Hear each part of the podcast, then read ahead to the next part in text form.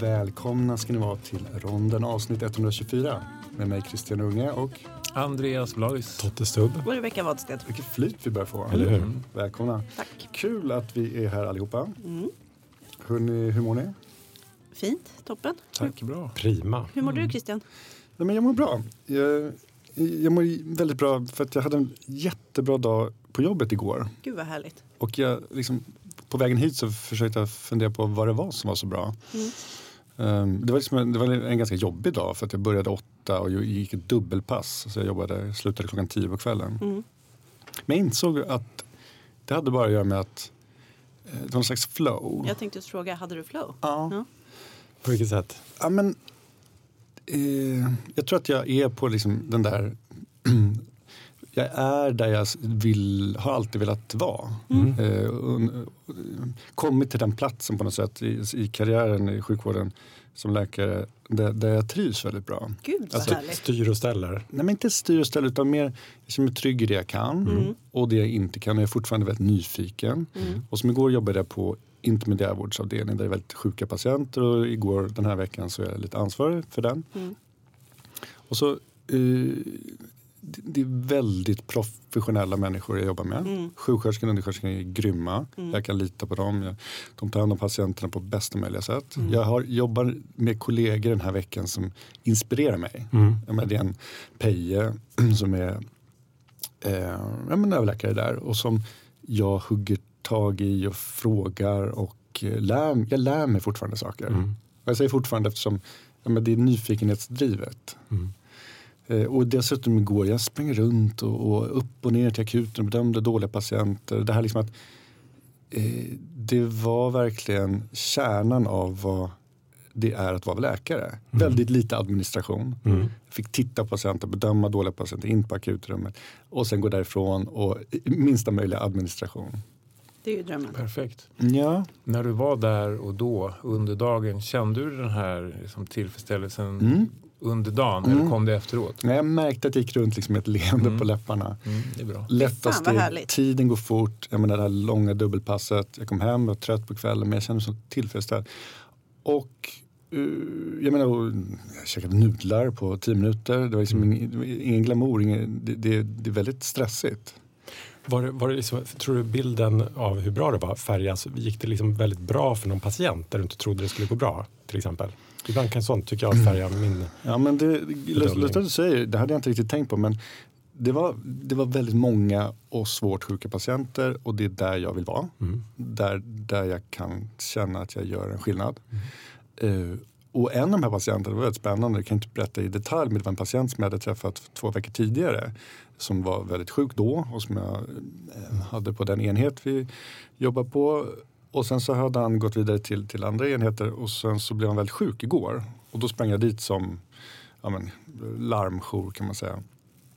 Och då var jag så inne i liksom, göra ultraljud och han hade eh, problem med luftvägen och vi var många läkare som höll på att jobba. Och sen tittade jag upp och då insåg jag vem det var. Mm. Och när jag fick kontakt med honom, trots att han var väldigt sjuk och han såg vem jag var i den här liksom väldigt sjuka tillståndet så blev jag och så sa jag, ah det är du och så förnamnet. Och sen så fick jag ta honom till vår enhet och så fortsatte vi prata lite. Jag tycker väldigt mycket om den här patienten. Mm. Kontinuitet också. Kontinuitet, men jag också, jag gillar, jag gillade honom. Mm. Jag gjorde det för två veckor sedan. Det, det, det lyfte, Mm. absolut. Mm. Men annars så funderar jag på, du nämnde ju att det var ett sånt bra team du jobbade med. Mm. Det, Mm. det tycker jag kan ge mig en otrolig tillfredsställelse när jag jobbar i ett Mm. eh, riktigt bra lag på operation. Exakt. Alla strävar mot samma mål. Alla samarbetar. Ingen lägger sitt färläge. Ingen krånglar. Utan den teamkänslan, den är som bäst, då är det riktigt, riktigt roligt.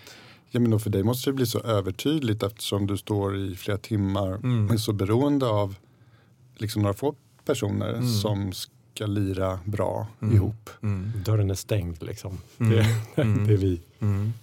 Nej, men man kommer på man kommer in på salen och man vet det här kommer bli bra eller det här kommer bli jobbigt beroende på konstellationen. Jo, Ja, jo. Eh, så man, är det ju. man måste ju hantera det. Men, men som sagt, jag funderar på, på din eh, känsla av eufori eller tillfredsställelse, glädje. Mm, mm. Hur mycket det berodde på teamet. Eh, Men jag tror liksom det, det, är liksom det är det som är alla delarna Ja, funkar. alla delarna. Så jag funkar nu, hade jag kanske Du var Eh, utvilad. Ja, och, men lite så. Ja. Eh, Att det inte var något annat som skavde. Nej. För det är klart, är det något hemmaplan som inte är bra, man är hungrig, whatever.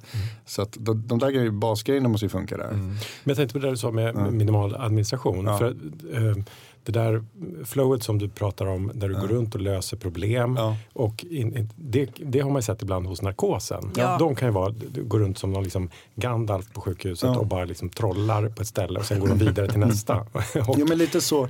Det, och ing, den- inget skrivet. Nej, Liksom. men den rollen har vi på den där intermediärvårdsenheten. Man kallar på oss och narkosen eller, och eller narkosen för de svårast sjuka patienterna. Och det är det jag gillar. När de, patienterna håller på att dö eller är svårt sjuka. Um, men som en twist, avslutande twi- Mm. twist på det här var att den som kanske förgyllde, satte pricken över i på det här, det var en läkarstudent Mm. som går med oss den här veckan. Och hon är så grym. Mm. Alba heter hon. Eh, termin sexa. Eh, och jag menar, ni har alla jobbat med, vi jobbar med läkarstudenter. Och det är högt och lågt. Vissa sitter och pillar naveln liksom i ett hörn och tittar på mobilen och frågar om de får gå hem. Och vissa är på och duktiga och så finns det allt däremellan. Och hon är den här liksom påläst, duktig, driven, trevlig, bra med. Så hon, patienterna, så hon har fått vara vår underläkare den här veckan. Jättebra. häftigt. Roligt. Och Kul för henne. Ja, men hon sa så här, jag fått så, hon, hon sa så här, eh, för hon stannade kvar också extra på kvällen Mm. igår. Och hon sa så här, men jag har fått så himla bra introduktion eh, på medicinkursen. Den, den jag gick med första veckan gjorde att jag liksom har fått en så bra start sa hon. Och, så att hon hade gått med dig. Är det sant? Oj, Ja, Rebecka. Gud, jag blir så rörd. Så du hade introducerat henne eh, och gått med henne på hennes första vecka på en avdelning. Mm. Och liksom tagit in henne till patienterna och visat henne. Så hon var helt lyrisk. Gud vad kul. Bra. Vad glad jag blir. hon, Snyggt. hon var helt... eh, hon bad mig hälsa till dig. Tack. Mm. Tack Alba. Vad roligt. Vilken bra gullig du dag. är. Mm. Ja. Nu blir min dag Ja. också jättebra. Jag skulle återgå till det här ordet flow. Ja. Hur definierar man flow? Vet ni det? Eh, Det fanns, du har en, något på tungan säger jag. eh, det fanns en, eh, en ungersk filosof som har ett namn som man knappt kan uttala, Csikszentmihalyi Mihaly eller någonting sånt Okej. där. Och han beskrev flow som ett tillstånd när ens kompetens eh, balanseras mot svårigheterna i de utmaningar man Mm. möter. Mm. Om du är superkompetent och, och hanterar trivialiteter så får du inte flow. Nej.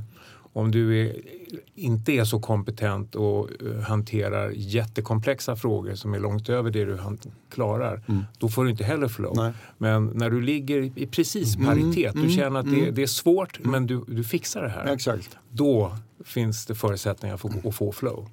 Mina absolut Ja, det härligaste arbetsdagar i livet. Det är ju liksom när jag typ har jobbat i disken och haft jätte, jättemycket att göra. Och man, eh, alltså man typ löser olika problem.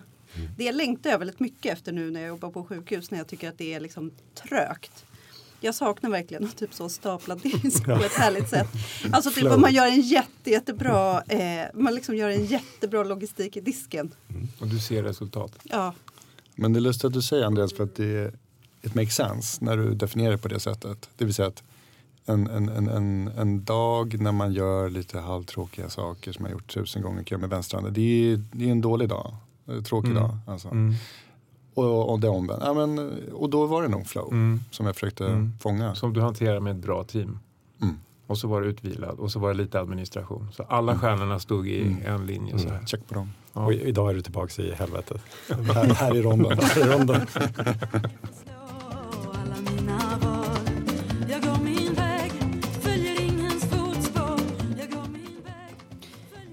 januari så cirkulerade det lite nyhetsartiklar om en eh, eh, bioetisk eh, ett bioetiskt utforskande av vad man skulle kunna göra av hjärndöda kroppar som jag har eh, velat att vi ska prata om ett tag Mm. och eh, skicka till er ganska många gånger. Och nu blev det dags va? Hjärndöda kroppar. Ja. Mm. Hörrni, vad tror ni Eh, en del kan ju inte få barn och behöver lösa det på olika sätt. Mm. Nu har Anna Smajdor från eh, Oslo universitet kommit med en eh, tanke och den är att ni vet hur eh, om man är hjärndöd så kan man donera sina organ. Mm. Tänk om man istället kunde donera hela sin kropp eh, till att agera surrogat. Mm. Graviditet alltså, Ja, visst. medan man inte lever. En, en havandeskapsdonation Mm. Eh, kallar de det. Whole, vad är det? Whole body gestational donation. Om vi snackar om gestational, är det havandeskap? Eller eh, dräktighet. Dräktighet, men vet du, jag och Rebecka pratade om det innan. Mm. Det lät mer djur. Mm. Eh, Hans, vad ska vi- En hjärndöd kvinna har på förhand gett sitt tillstånd att, vet du vad? Eh, presumtivt samtycke pratar Anna Okej. Smajdor om. Mm, eh, liksom det ju gäller för, eh, för organdonation. Mm. Eh, Om man inte anmäler sig till Precis. Socialstyrelsen. Mm. eh, det finns mycket i den här artikeln som jag tycker att man kan prata om. Jag skulle vilja läsa upp här. Till exempel den här biten. Eh, det här är eh, introduktionen till artikeln. Whole body gestational donation offers an alternative means of gestation for prospective parents who wish to have children but cannot or prefer not to gestate. Det är inte bara om man inte kan utan kanske också om man inte riktigt vill vara Nej. gravid Men man eller vill bära barn. ett barn. Man vill gärna bära Men man vill barn. inte Adoptera. adoptera till exempel. Man vill gärna ha ett biologiskt barn då antar jag. Mm. Eh, det utforskar hon inte så himla mycket i den här eh, eh, artikeln. Eh, utan hon pratar ju mer om, om eh, ja, men liksom etiken bakom att donera sin kropp. Det här med presumtivt samtycke. Hon pratar ganska mycket om eh, Ja, men hur, ska man, hur ska man tänka kring, är det överhuvudtaget möjligt? Hur ska man kunna forska på att kanske implantera embryon i hjärndöda kvinnokroppar? Eh, den här artikeln bygger på någon annans idé om eh, hjärn, eller inte hjärndöda utan då eh, kvinnor som är i koma men fortfarande har spontanandning. Att man har ju märkt att de har kunnat bli gravida för de har ju nämligen blivit våldtagna eh, under sjukhusvård och blivit gravida och kanske sen avlidit eller förlorat graviditeten. Men vänta, vänta, vänta, det är det som är så helt bisarrt. Mm. Vadå? De ligger i koma. Eh, Det här är en, en kunskap som den här artikeln bygger på. Ja. Jo, jag vet. Mm. Men och jag bara, bara försöker Mm. se det framför mig. Ja. I koma, Blir våldtagen. bli, och- och alltså, rimligtvis på en narkosavdelning. Ja, jag vet inte var en... eh, Intuberade. Nej, alltså, nej, det här är eh, kvinnor som spontanandas. Ja, okej. Mm. De kan ligga på en Precis. neuro- Man- neurologavdelning till exempel. Vegetativa. Precis. Mm. Mm. Eh, och då har man ju sett att, att eh, det kan ändå vara så att en graviditet kan bli till under de förutsättningarna. Mm. Och det har man ju inte sett hos intuberade hjärndöda kvinnokroppar. Och det vet vi inte riktigt om det har att göra med att de inte har blivit våldtagna. Eller om de kanske har blivit våldtagna men bara att det inte har lett till en graviditet. Mm. Det är väldigt mörkt och dystopiskt. Det är många bottnar. Det är väldigt många bottnar. Jag tycker det finns två spår i det här. Det ena är ju det etiska. Men det andra som är så himla intressant är det liksom bara logistiska. Jag gick med en intensivvårdsläkare och frågade så här, skulle det här vara överhuvudtaget praktiskt genomförbart att hålla en hjärndöd kropp vid liv, intuberad eh, under ja, men, säg 40 veckor plus eh, liksom tiden det tar tills man blir med barn. Det vet man ju inte om det liksom tar på första försöket. Man måste göra eh, Ja, man måste upprätthålla någon slags eh, liksom, hormoncykel som funkar. Eh, d- det är det ena och det andra. Eh, och i den här artikeln så föreslår hon också att man skulle, det här skulle kunna vara flera graviditeter på varandra. Ja, eh, i någon så man kan ha sån- samma donator I en riktig flera. sån farm eh, som det blir i mitt huvud. Men vid, det här laget så Mm. vet jag att nu, nu ligger min mamma på natten och lyssnar på det här avsnittet. Ja. Och då tänker men vad är det hon pratar om? Alltså, det här är en artikel som är, det är en filosof som har skrivit det. Ja, så uppfattar jag det. Mm. Ja. Det är en, en, Som teoretiserar om liksom hur det här skulle kunna gå till. Ja, fast hon låtsas ju ändå att det skulle vara på riktigt. Men hon har ju Mm. inte gått in på liksom de medicinska implikationerna av att vara Mm. eh, sövd för att ligga i narkos eh, och Nej. intuberad under Nej. så lång tid. För det, dels är det ju väldigt stor risk för infektioner. Man har ju många liksom, ingångar i kroppen. Och sen så är det ju också liksom, en sån koagulationsproblematik. Alltså att man är immobiliserad. Man ligger ju still då hela den här tiden. Det vill säga man skulle ligga nio månader Mm. Plus den tiden tills du blir med barn också. Eller Ja. du, men... Mm. Just det, okej. Det är ja, det är många implikationer. Eh, som du säger, men jag vet inte hur, hur länge de, de, de som ligger längst på intensivvården intuberade ligger där. Det är ju De får väl några. track nummer ett, men Ja. strunt samma. Det är men, liksom... ja, men om du tar, du tog så att det var två delar. Den etiska, vi Mm. tar den etiska för den är mest spännande. Mm. Men ta bara den medicinska Mm. delen där. Som du säger, tromboser, infektioner. eh, det, är inte bara liksom att lägga en patient och, och Nej. sen ge intravenös liksom, energi, Mm. dropp och sen tro att allting löser sig. Det är enormt många saker som kan hända under den där långa resan. Ja, och sen lägga till liksom de fysiologiska förändringarna i en kropp som är, genomgår en graviditet och Mm, ja. sen eh, ska förlösas. Genom Ja. ett kejsarsnitt då tar jag för givet. Mm. Hon, hon nämner ju då som liksom uppsidan av det Mm. menar hon ju är ju att man kan liksom en, en, en hjärndöd person kan man ge i princip vilka läkemedel som helst. Ja, visst. Och så länge inte fostret skadas då, så, så är det okej då. Mm, liksom enligt den. Det är ju mycket saker som hon tänker så här, men gud den här kroppen är ju redan död så det spelar ju ingen roll. Vi kan ju göra vad vi vill. Mm. Jag skulle säga att, ehm, att den här, hela den här eh, artikeln, jag tycker du ska nämna namnet så att de intresserade lyssnarna kan läsa den själv eftersom det är ett sånt eh, svårt ämne. Men jag tycker att det bygger på premissen att alla människor har rätt att få barn. Mm. Så är Och det. det, det tycker jag man kan diskutera. Det är ingen mänsklig rättighet att skaffa barn. Jag håller med. Eh, och, och den andra eh, premissen är ju att, att hålla en, en hjärndöd människa eh, så att säga eh, liv, det är ju lite motsägelsefullt, i nio månader. På, det blir någon form av intensivvård. Det kommer ju kosta ohyggligt mycket pengar. Jag räknade ut vad det skulle kosta. Ja, och- 16,2 miljoner. Precis, och då kan man ju väldigt snabbt se framför sig vilka är det som kommer vara kommer ha råd med det här? Jo, Ja. det blir ju liksom någon form av överklass och, och det, det faktum att man det kunde vara vissa som inte ville Mm. bära ett eget barn. Det är liksom implicit att det här är ju folk som, som är någon form av överklass.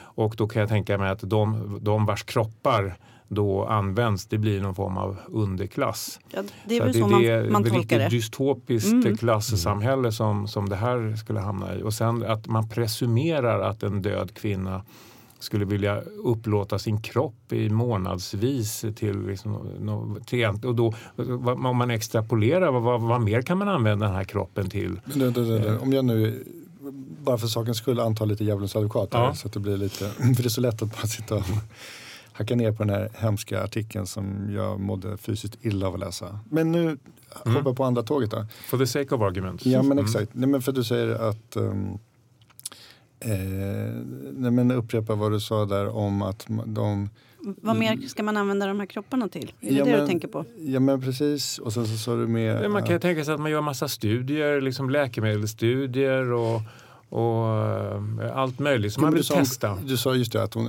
informed consent där alltså. Ja. Mm, men kan man argumentera Men man hon- presumerar att eh, kvinnan, om det inte finns ett, ett, eh, ett skriftligt besked i förväg Ja. att jag vill inte, Ja. eh, om jag blir hjärndöd, utsättas för det här. Då kan ska man man utgå från att... kan man argumentera hon är ändå död. Ja, Ska ändå liksom bara avbryta den här men eh, och begrava henne. i alla andra sammanhang så, så jag tror också att i lagen så ska man behandla döda kroppar med liksom stor respekt Jo. och värdighet. Det, det som Jo, hon argumenterar...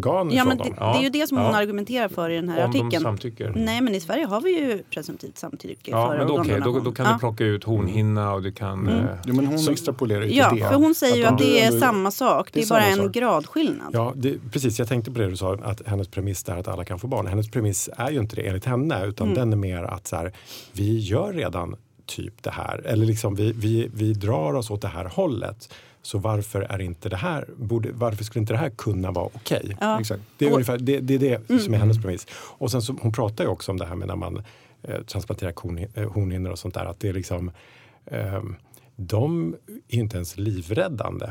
Liksom. Det är ganska, Ja, det är inte som ett hjärta. Eller? nej, exakt. nej. Utan, Men okej, om det var nio timmar eller möjligen nio dagar, då Mm. hade jag någonstans kunnat eh, köpa det. Men då är Men Det är det- tiden det här för är dig. nio månader. och varför är det en gräns? Eh, Liksom, vad- För mig vad- är det ju absolut inte tiden utan för mig är det det som det betyder utanför. Alltså att jag tolkar liksom inte det här som ett riktigt eh, försök att prata om hur ska vi hitta alternativa vägar till att få barn. Utan jag Mm. tolkar ju det här som ett sätt att eh, driva opinion för eh, ja, jag vet inte, surrogatmödraskap. Eh, jag tänker att det är liksom samma sak som att inskränka aborträtt. Det är liksom samma sak som att inskränka kvinnors rättigheter på andra sätt. Det är samma sak som att inskränka hbtq-personers rättigheter. Det här är ju typ fascism. Så tolkar jag det. Ja, man får ju lite Handmaid's Tale-vibbar av det. Mm. Ja, men det är ju inte vibbar, det är ju, liksom, det är ju ett uttalat. Är det. Eh, och att hon försöker rädda upp det här genom att prata om så här, hur, ska jag kunna, hur ska jag kunna försvara mig mot feministerna i det här. Jo men vet ni vad, man skulle också kunna tänka sig att manliga kroppar ska kunna bära barn. Just det. För problemet är ju inte att eh, en, ett embryo inte skulle kunna implanteras i en öppen bukhåla. Det kan den ju göra och då kanske vi kan implantera mot en manlig lever till exempel som ju har väldigt bra cirkulation. Och då är ju problemet eh, annars är ju bara hur ska man få ut den. Men nu är ju eh, kroppen död. Så då spelar ju inte det någon roll. Det enda problemet som hon ser då det är ju att man inte skulle kunna använda den här kroppen för fler graviditeter. Just det. Men jag menar, du sa ju att om det, om det var en kvinna då skulle man göra ett kejsarsnitt. Ja, och då får man ju göra det i, i det här manliga fallet då också. Ja. Och så är levern kanske förstörd och då kan man inte använda kroppen igen. Och då vilket skulle man det, skulle kunna göra med en kvinna. Menar Precis, för det är- det är det som gör- flera gånger. det är det som gör att det liksom nästan svartnar för ögonen på mig när jag läser det här. Att Men hon ser framför sig någon slags då, eh, graviditetsfarm. Mm. Det är Men- men- på men är riktigt det- som en skräckfilm. Är det här ett totalt teoretiskt eh, experiment eller finns det någon som helst substans, någonting som överhuvudtaget pekar åt att man Men det är, kommer ju, vilja testa det här? det, är ju, det är ju liksom i eh, samma andasplan som Torbjörn, Torbjörn Tännsjö när han ska driva saker till sin Mm. spets. Um, förra veckans diskussion, vi sitter ju här ändå och har läst den här. Och, eh, jag bara återkommer till det du, sa att för dig är tiden. Mm. Men, du, men det är inte tiden i sig utan det är kostnaden menar du då? Att ta upp nio månader, 16 miljoner som ska gå Ja, till någon annan egentligen. Ja, det blir ju en prioriteringsfråga. Därför det är inte principiellt som Todd sa någon skillnad mot att ta någons organ som dör. Hornhinna, eh, Ja, njurar. det är väl det. Att man, här är det inte fråga om att man tar något organ utan man nyttjar ett organ. Du över nyttjar väldigt, hela organet, kroppen. Ja. du, ja, du nyttjar hela kroppen Mm. över lång tid. Mm. Jo men du återkommer till tid, att det skulle vara en Ja, principiell... ja, jag tycker att det är en...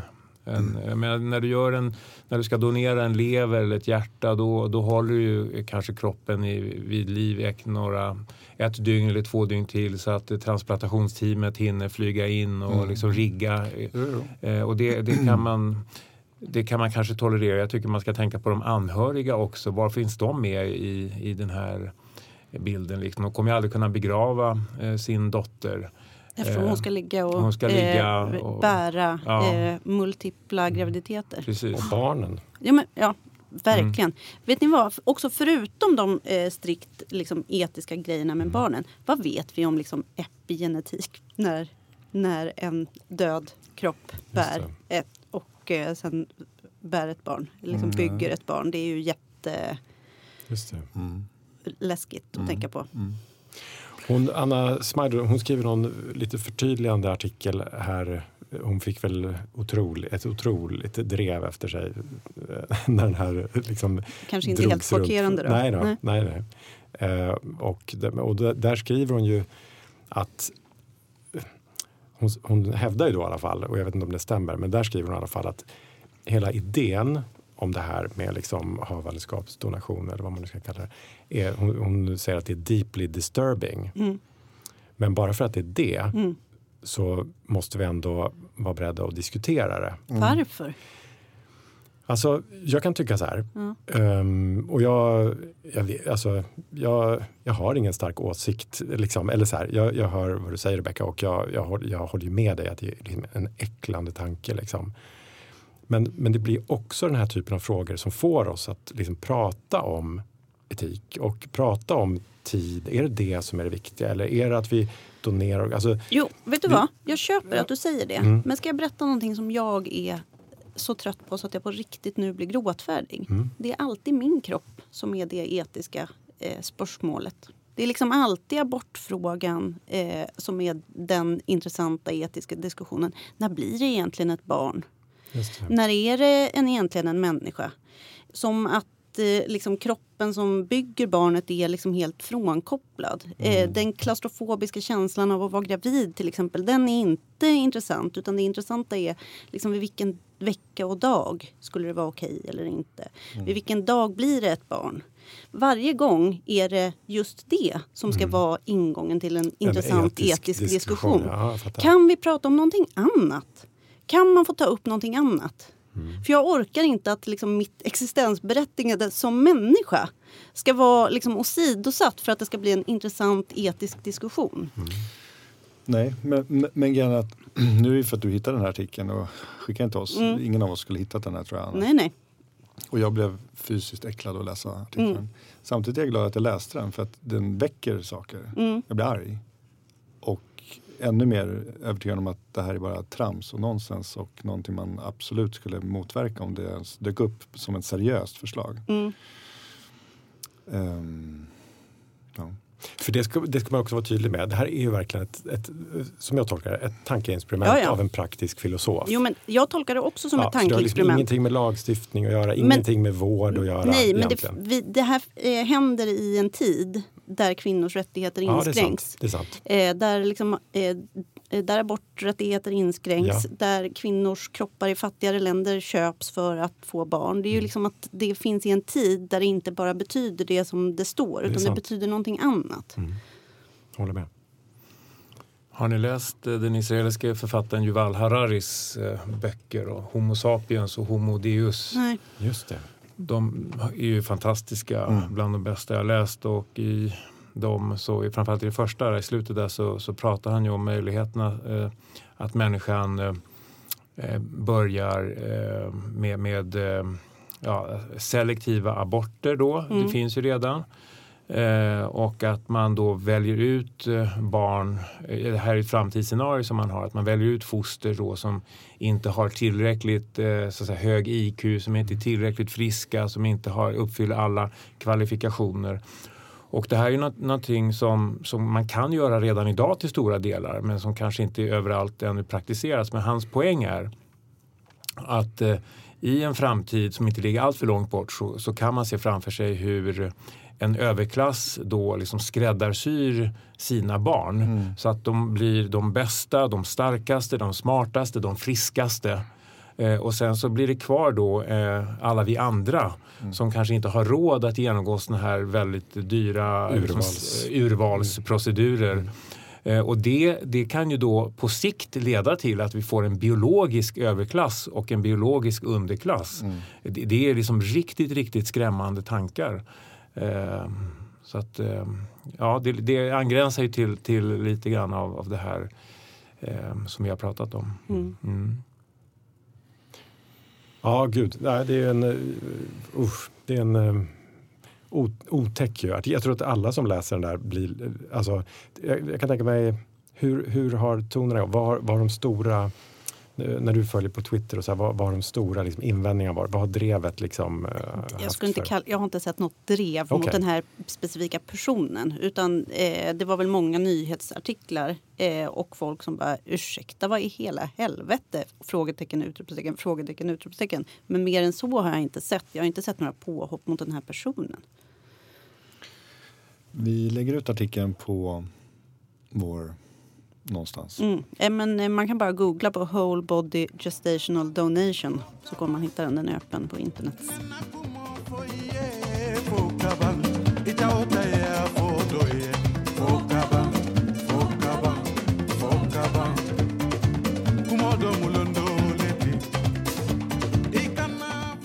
Men jag tycker vi kör ett fall. Kul! Spännande. Och så får ni inta era liksom, positioner som utifrån era respektive specialiteter. Vad är du Totte? Psykiatriker. Och du Andreas? Ja, jag kan vara... Kirurg. Okej. Vad är du då idag Rebecka? Jag är underläkare bara. Ja. UNS. Det är det jag är. Vi säger att du är allmänläkare nu då. UNS. För du, ska ju, du är ju som Jag bredast av oss alla. Snart är jag där. Okej. På En- vårdcentral alltså. Och det här är ett fall baserat ungefär på några olika fall som jag har sett. Men, men eh, det finns ett tema då eh, som är viktnedgång. Och det liksom kan man ju träffa på lite här och där på olika specialiteter. Så får ni liksom eh, argumentera utifrån hur, hur ni skulle tänkt. 81-årig man som söker akuten Mm. för viktnedgång 15 kilo sedan tre månader. Mm. Uh, Förlåt, ganska, förlåt, alltså inga andra symptom. Det är Varför söker han akuten? Varför Han ska ju komma till mig på vårdcentralen. Precis. bra, bra. Har gått till vårdcentralen Ja, Okej. Klassiskt. och där eh, blivit utredd. Mm. Mm. Ehm, med eh, skiktröntgen av thorax och buk. Mm. Man har inte hittat något konstigt där. Och man har tagit lite prover som visar lätt anemi, HB 118. Koloskopi. Eh, koloskopi är utförd, man hittar ingenting. Mm. Och eh, salterna ligger ganska bra. Och vårdcentralen vill att vi hjälper till på akuten och utreder den här patienten. De skickar in patienten. Trött. Patienten är ganska trött. Ja, men är han inläggningstrött? Mm. Vad sa du? Är han inläggningstrött? Nej. Nej. Men, men vårdcentralen behöver hjälp. Har sagt att de har remitterat in patienten. Okej. Shoot, vad vill ni veta mer? Han försökt gå ner i vikt? Nej. Eh, nej. Hur har det varit med aptiten? Lite eh, dåligt med aptiten. Försökt äta men känt att han tappar vikt ändå. Har, men har han, förs- alltså, har han fått i sig... Vet vi någonting om hans liksom, Mm. intag? Ja. Mm. Nej, inte annat än vad han uppger. Mm. Vad säger han att han äter då? Han äter som vanligt och snarast försöker äta mer men, men, eh, men ehm, känner att han kanske, men aptiten kanske inte är riktigt som den ska. Men ehm, tycker inte att han ser någon skillnad egentligen i vad han ätit. Är det någon skillnad annars i hans liv de här senaste tre månaderna eller precis innan? Nej, men han känner sig deppig för Mm. att liksom det för att han går ner i vikt och för att han inte orkar riktigt lika mycket som vanligt. Mm. Men innan den här orkeslösheten och Ja. viktnedgången liksom satte igång, har det hänt någonting då? Nej, men det här är en kanonkille. 81-årig. Ser ut som 60 i, och liksom har en ambition av en 61-åring. Mm. Massa mm, barn och barnbarn och eh, eh, många aktiviteter. Mm. Och snarast att eh, jag blev sådär eh, verkligen imponerad över hur, hur många vilken ambitionsnivå en 81-åring kan ha Mm. med livet. Jag har hört två symptom. Mm. Eh, viktnedgång, ofrivillig viktnedgång Mm. sen tre månader och Mm. lite deppighet. Ja, Har han inga smärtor? Inga... nej. Nej. Hur är det kognitivt? Eh, nej, det här verkar vara en sprillans... Alltså jag, det, här, är ingenting som har liksom tacklat av. 81. Ja. Eh, Lever han med någon? Ja, Mm. fru och... Mm. Har han haft några depressioner tidigare i livet? Nej, Ingenting. nej, Har han haft något typ av eh, psykiska besvär? nej. Står han på några läkemedel? Ja, en del eh, blodtrycksmediciner, um, någonting för prostatan och eh, lite vitamintabletter. Vad då för vitamintabletter? Eh, Jag kommer inte ihåg. Okej.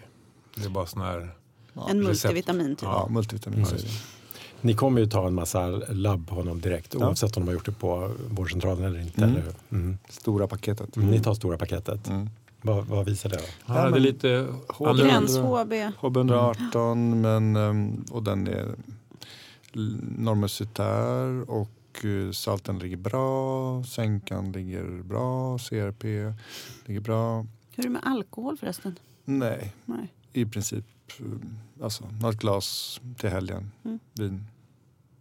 Men han uppger att han tycker att det är väldigt tråkigt att han inte orkar som vanligt. Mm.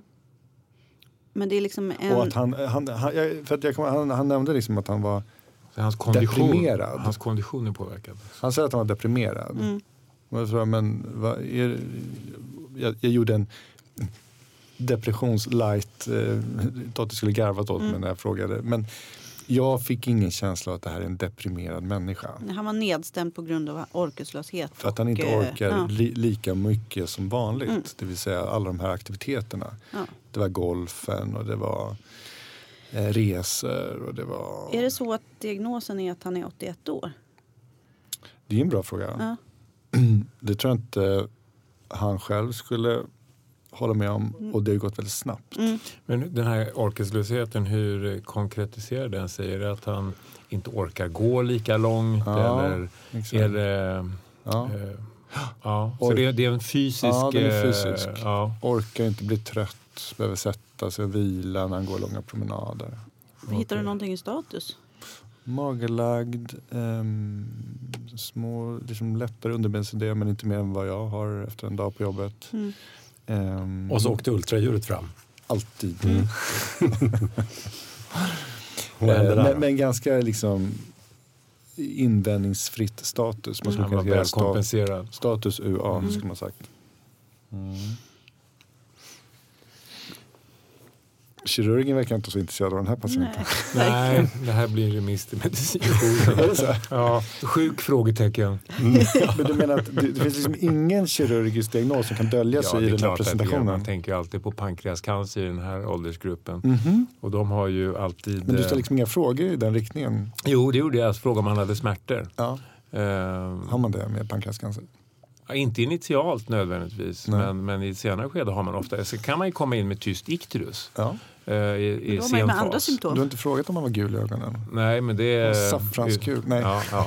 nej, men det, nej, men det är, i den åldersgruppen är det en klassisk och, och, och jag tänkte faktiskt när du introducerade det här fallet att eh, jag vet inte om man har gjort studier på det, men det, det vanliga när man tar emot patienter på akuten eller på avdelningen som har nydiagnostiserad pankreascancer, Mm. det är ju bukspottkörtelcancer alltså. Mm. Det är ju att de har ju gått i tre till sex månader på mottagningar för liksom ospecifika symptom, typ trötthet. Och, och de har utretts och, och man har inte hittat någonting. De känner sig missförstådda, de känner sig eh, inte liksom hanterade på rätt sätt. Och Mm. sen kommer då det här definitiva symptomet, antingen då svåra smärtor, buksmärtor, ryggsmärtor som på natten Mm. eller ikterus. Liksom. Och då är ju saken klar. Gul Men han har ju Ja. gjort en DT här va? DT Exakt, thoraxbuk DT som thoraxbuk som var invändningsfri. Men Kan man, kan man ha gjort en CT thorax eh, och missat en kan pankreascancer? man ha. Det beror på hur täta snitten är. Det beror på om, beror på om undersökningen har gjorts med intravenös kontrast. Mm. Eh, och det beror på liksom, hur tidigt i, i förloppet det, det hela var. Mm. Så, så kan det ju vara. Sen, eh, vi hade senast idag ett fall med en röntgenläkare som hade missat en malignitet. Så det är en annan förklaring. Ja, Ja, ej att förglömma. nej, Även röntgenläkare människor. precis. Mm. Mm. Totte, Ja, jag bara tänkte, psykiatern då? Ja, nej, men precis. Jag, det, är ju, det är ju inte helt ovanligt just att, att äldre patienter just går ner i vikt vid depressioner. Det är ju verkligen så. Mm. Men i depression, hur ställer man diagnosen? Här? Alltså, kan patienten te sig glad och mm, inför mig? Behöver jag? Dissimulerar. Ja, bra fråga. Exakt. Bra. Alltså egentligen inte va? Utan man behöver ju ha ett, liksom ett depressivt status att utgå Mm. ifrån när man ställer en sån diagnos. Och det ska ha förelegat i flera veckor. Mm. Liksom två, två veckor är väl gränsen. Men det är väl någonting som en vårdcentralläkare plockar upp? Ja, De det liksom skulle jag säga också. Precis. på det. Ja, verkligen. Ja. De är jättevana vid den patientkategorin. Vi inte riktigt, alltså, de kommer oftast på vårdcentralen och Mm. behandlas där. Mm. Liksom. Mm. Ehm, precis, så att jag, jag har lagt Mm. lite mina, eh, liksom, mina diagnoser åt sidan. Du har gått därifrån helt enkelt? Ja, precis. Men jag funderar mer på någon, liksom, någon upptagsproblem. Liksom. Ja. Ja, någon metabol, Ja, någon exakt. endokrint. Någon här liksom, någon intrinsic hy- factor som saknas. Hypopara, Ja, hypotyreos. exakt. eh, Just det, för alla de sådana där mera zebradiagnoser, det är inte självklart att man ser det i vanliga blodproverna. Vanliga elektrolyter, och blodstatus och vita blodkroppar och sånt där. Så det skulle kunna luras. Alltså, eh, ni kanske skulle fråga lite mer om avföringsvanor och sånt. Mm. Diarréer, lös avföring. Ja, det är i och för sig intressant. När du säger det. Men det, där var det UA normalt. Ja, man undrar ju vad det där HB 118 står för. Mm. Eh, han Mm. ska ju ha haft 130-140 om han var en sån där friskus som Mm. var ute på golfbanan. Och Mm. han, det, det lät som att han hade normal vikt också. Han var liksom en, Mm. Så då, det där 118 står ju för någonting. Det representerar Ja. ju... Eller hur många 81-åringar har 118 i HB och det är helt liksom, UA för dem. Inte, jag tror att de flesta ligger över 118. Ja, okej. Jag har Ja. ju ett referensvärde på 120 för, av någon anledning. Jo, Du menar att han skulle höra till de här 5 procenten som ligger utanför? ja, Eh, ja. Bells curve. Ja. Ja, men eh, mycket riktigt så tog jag fram ultraljudsapparaten, Totte. Mm. Och eh, tittade och såg eh, ingenting konstigt i lungorna eller njurarna. Och, eh, men hjärtat, där såg jag att det läckte ordentligt i mitralisklaffen. Mm. Så att eh, en av klaffarna såg ut att vara väldigt, ja men det läckte helt enkelt. Och så gick jag över och visade det för hjärtläkarna som sen la in patienten och utredde patienten. Och sen visade det sig när man, gjorde, man tog blododlingar att det växte liksom en, en lite ovanlig eh, lågaktiv bakterie i blodet. Mm. Så att det här var en. Summa summarum så var det liksom en, en hjärtklaffsinfektion eh, av en bakterie. Som igen, alltså sänkan var låg. 10, 12, 15. C- CRP alltså. Och som, som hade ätit upp eh, en av klaffarnas segel där. Och så släppte det. Och då, och patienten väl, blev patienten supertrött därför att hjärtat, varje gång hjärtat pumpade så pumpade liksom inget blod. 50% av blodet pumpade bara bakåt, tillbaka. Så att det kom inte ut till stora kroppspulsådern och cirkulationen. Mm. Och den här anemin, hur förklarar man den då? Nej, den är oförklarad hittills. Nej. Men patienten opererades sen. Jag tänkte så här, något, något turbulent flöde. Och, Ja, jag vet inte. Nej. Men, men, men det var väldigt spännande eftersom patienten eh, inte egentligen hade några svikttecken. mm. Mm. Utan det här är som en funktionell hjärtsvikt baserad på en mitralisk klaffruptur. Alltså en, ett segel som har släppt. Och hans eh, pankreascancer, hur gjorde Den man med den? oupptäckt. Okej.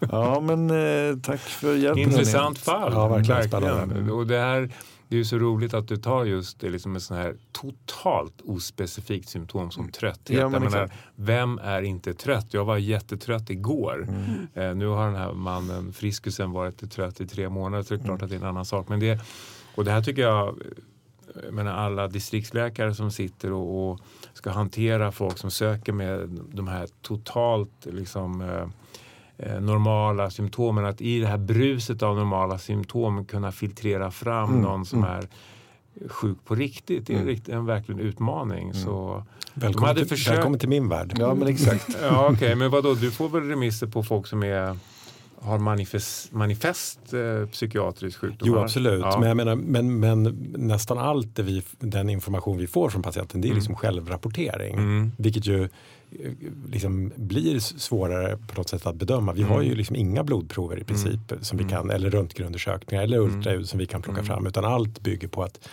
de lyckas beskriva sin, Mm. sina symptom, då, sin Mm. trötthet eller sin nedstämdhet eller sin, vad det nu är. Liksom. Men, men åter till Christians, om man backar nu då Mm. eh, och säger så här, med facit i hand, Mm. fanns det någonting som tidigare doktorer hade kunnat reagera för, liksom att säga, men det här är ju en typisk mitralisk insufficiens. Nej, annat än att uteslutningsmetoden, det vill säga viktnedgång och när Ja. man har uteslutit och gjort på vårdcentralen massa undersökningar och eh, röntgen topp till tå och proverna inte visar något. Så är hjärtsvikt en liksom, viktig diftdiagnos Ja. till trötthet, viktnedgång som man kanske inte alltid och tänker depression. på. Och Eller depression. depressiva. Nej men precis, att en, så en människa som i vanliga fall är van vid att ha liksom den här levnadsstandarden Mm. och sen så sjunker den tre steg ner. Så kan man ju bli deppig av det.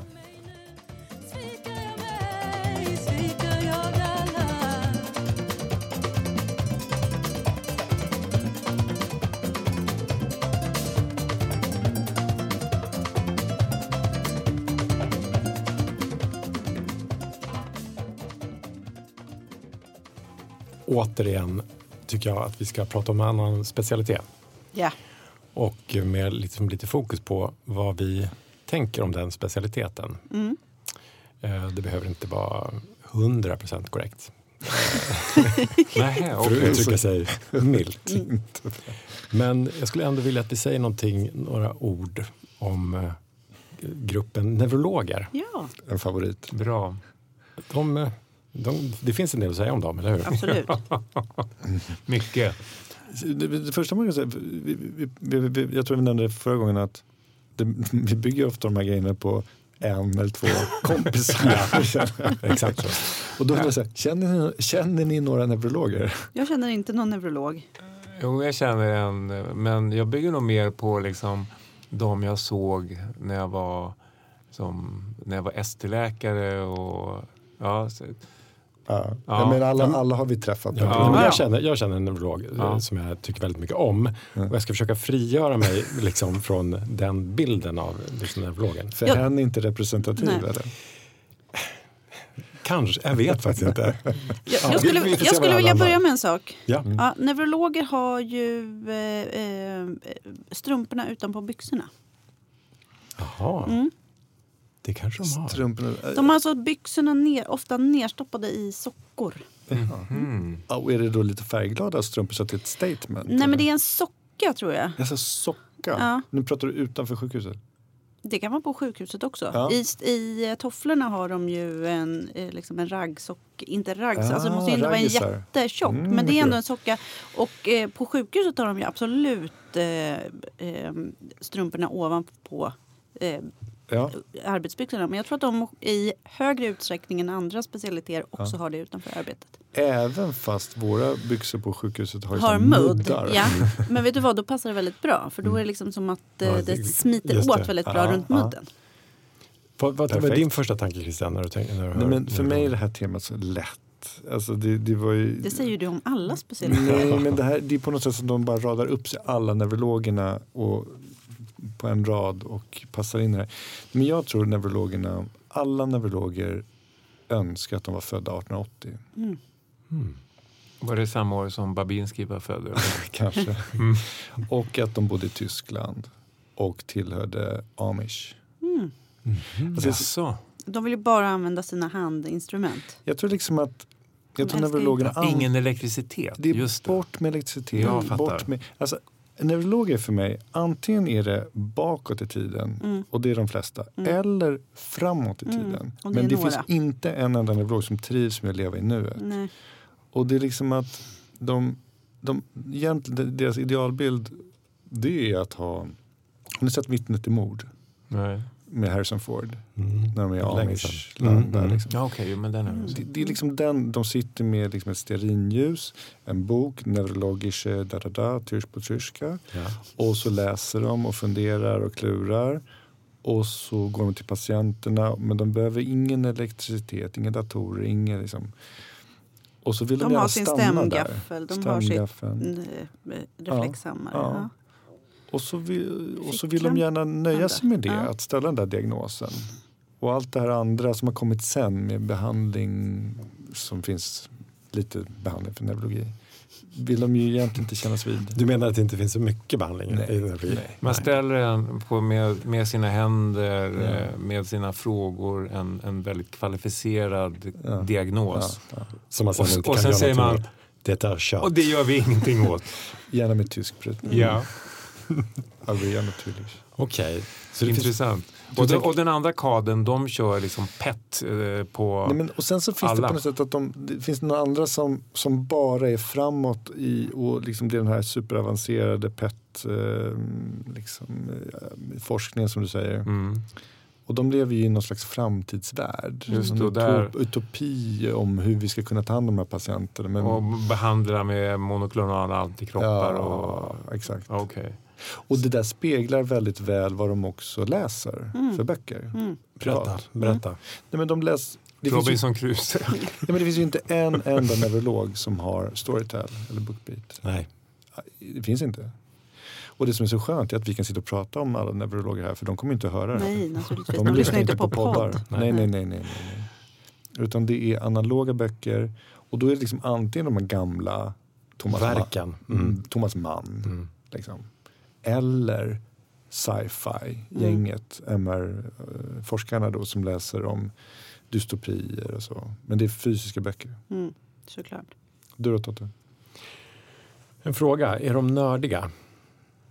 Ja, det är de Liksom, ju. snör de in på sina Mm. ämnen eller? Mm. Mm. De vill ju jag. åtminstone framstå som nördiga. Ja, för jag tänker, och nu, jag ska verkligen försöka nu bortse från de neurologer som jag känner, men Mm. jag tycker att de är de är ganska glåmiga. Alltså de, eh, de kan sakna någon sån här vitalitet. Eller? Men, men det kanske är för att de, ja, de kanske så skottar på neurologakuten hela nätterna och är jättetrötta där. Jag vet Mm. faktiskt inte. De kanske har Eller jättehårt. hanterar väldigt alltså, svårt sjuka människor med dålig prognos och utan behandlingsmöjligheter om jag ska hårdra det. Det Fast- kanske påverkar. För att Ja, jag menar, kanske. onkologerna, vi, vi konstaterade ju att neurologerna var det gladaste släktet. Som bara garvar vid lunchmatsalen.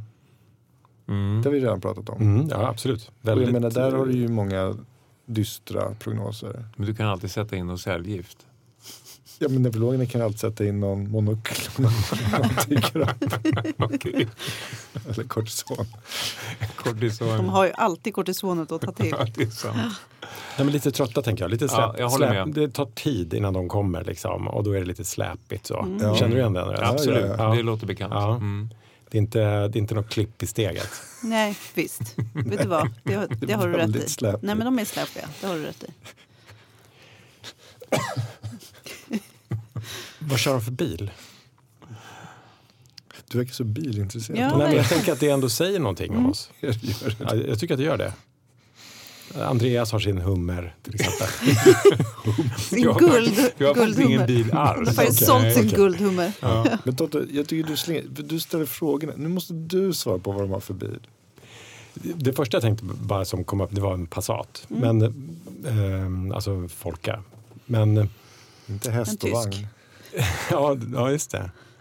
Nej men det är något, eh, jag, jag tänker att det är ganska praktiskt. Det är liksom alldagligt. Alldagligt. eh, En pragmatisk bil. ja. Mm. har, har vi sagt det om alla specialiteter? Nej, det har vi nej inte. då. Nej, nej, nej.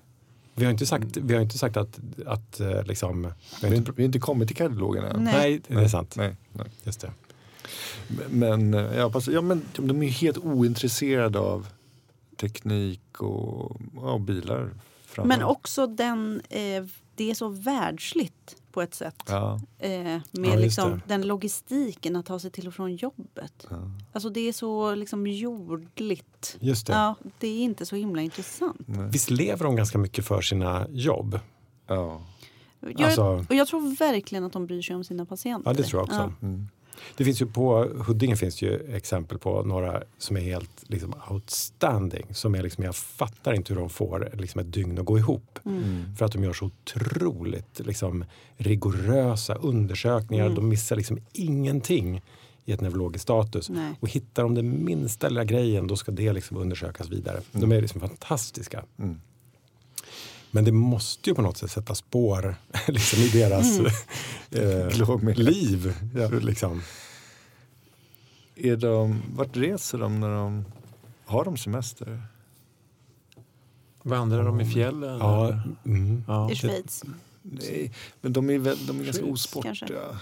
De, de är liksom inte. Lite smala Mm. i, i muskulaturen. Ja, men det är ju, Atrofiska. ja, men det är ju det. De är de, det är ju en vandringstur. Det är ju inte... Nej, Alltså det är en promenad. ja, Ja.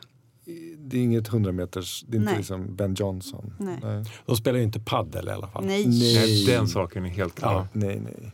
Kanske badminton i och för sig. badminton kan vara. Mm. Det är en, en Det sport. Ja. Mm. Med ett Yoga. sånt, och ett sånt gammeldags racket. Jag tror Inte det de, för- det hört för- talas det yoga. Det är för new flummigt. Det är age. för flummigt. Ja. Ja. Mm. Mm.